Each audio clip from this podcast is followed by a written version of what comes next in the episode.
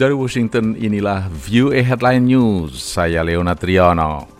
Tiongkok dan Amerika Serikat harus bersatu dalam memerangi wabah virus corona yang telah menelan banyak korban jiwa, kata Presiden Xi Jinping dalam pembicaraan teleponnya dengan Presiden Amerika Donald Trump. Pembicaraan itu dilakukan pada hari Jumat waktu Amerika sewaktu ia menyerukan agar Amerika memperbaiki hubungan dengan negara itu.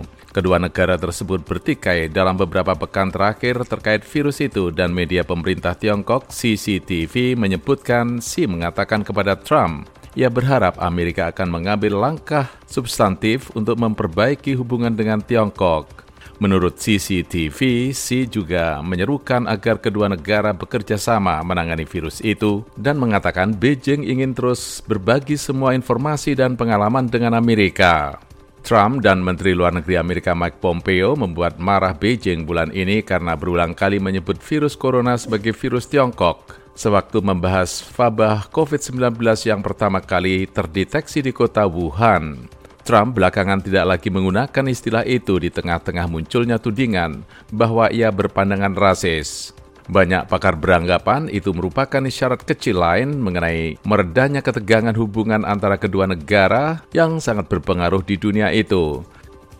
Pada Jumat pagi di Amerika tercatat 85.991 kasus virus corona terkonfirmasi Tiongkok memiliki 81.828 kasus, sedangkan Italia, epicentrum wabah virus itu di Eropa, memiliki 80.589 kasus. Sebut Johns Hopkins Coronavirus Resource Center, negara bagian New York, menjadi epicentrum wabah di Amerika dengan kota New York sebagai pusat perbakannya. Ada lebih dari 21.000 kasus di kota terbesar di Amerika itu.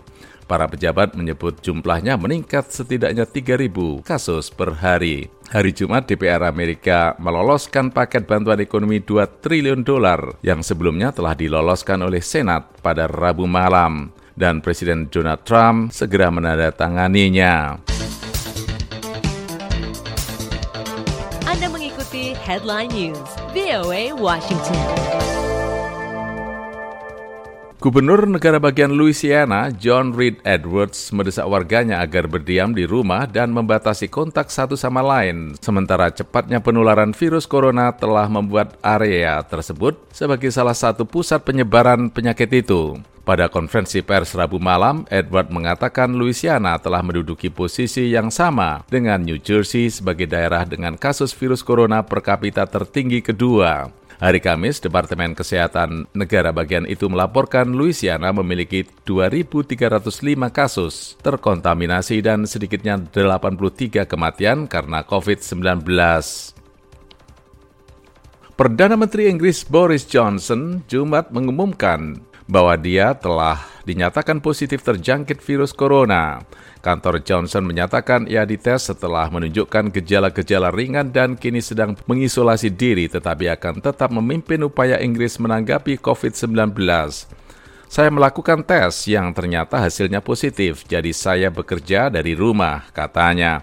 Saya mengisolasi diri dan ini sepenuhnya hal yang tepat dilakukan, tambahnya dalam pesan video yang diposting di akun Twitternya. Pemerintah menyatakan bahwa jika Johnson tidak dapat bekerja, Menteri Luar Negeri Dominic Raab akan menggantikannya. Afrika Selatan Jumat memulai hari pertama karantina wilayah atau lockdown nasional setelah tiga pekan untuk membendung gelombang kasus virus corona yang kini mencapai 900 orang di negara itu. Presiden Cyril Ramaphosa Kamis mendesak tentara agar menjadi kekuatan kebaikan, seraya mengatakan bahwa masyarakat takut terhadap virus itu dan tentara tidak boleh melakukan apa pun yang memperburuk situasi mereka. Ramaphosa menyampaikan pesan serupa kepada polisi, seraya mengatakan mereka memahami masyarakat takut akan virus dan dampak yang mungkin ditimbulkannya, termasuk kehilangan mata pencarian mereka. Lockdown di Afrika Selatan dianggap sebagai salah satu yang paling ketat di antaranya dengan melarang penjualan minuman beralkohol dan membawa anjing berjalan-jalan. Masyarakat juga tidak diizinkan jogging di tempat umum selama tiga pekan mendatang. Demikian VOA Headline News dari Washington, saya Leona Triano.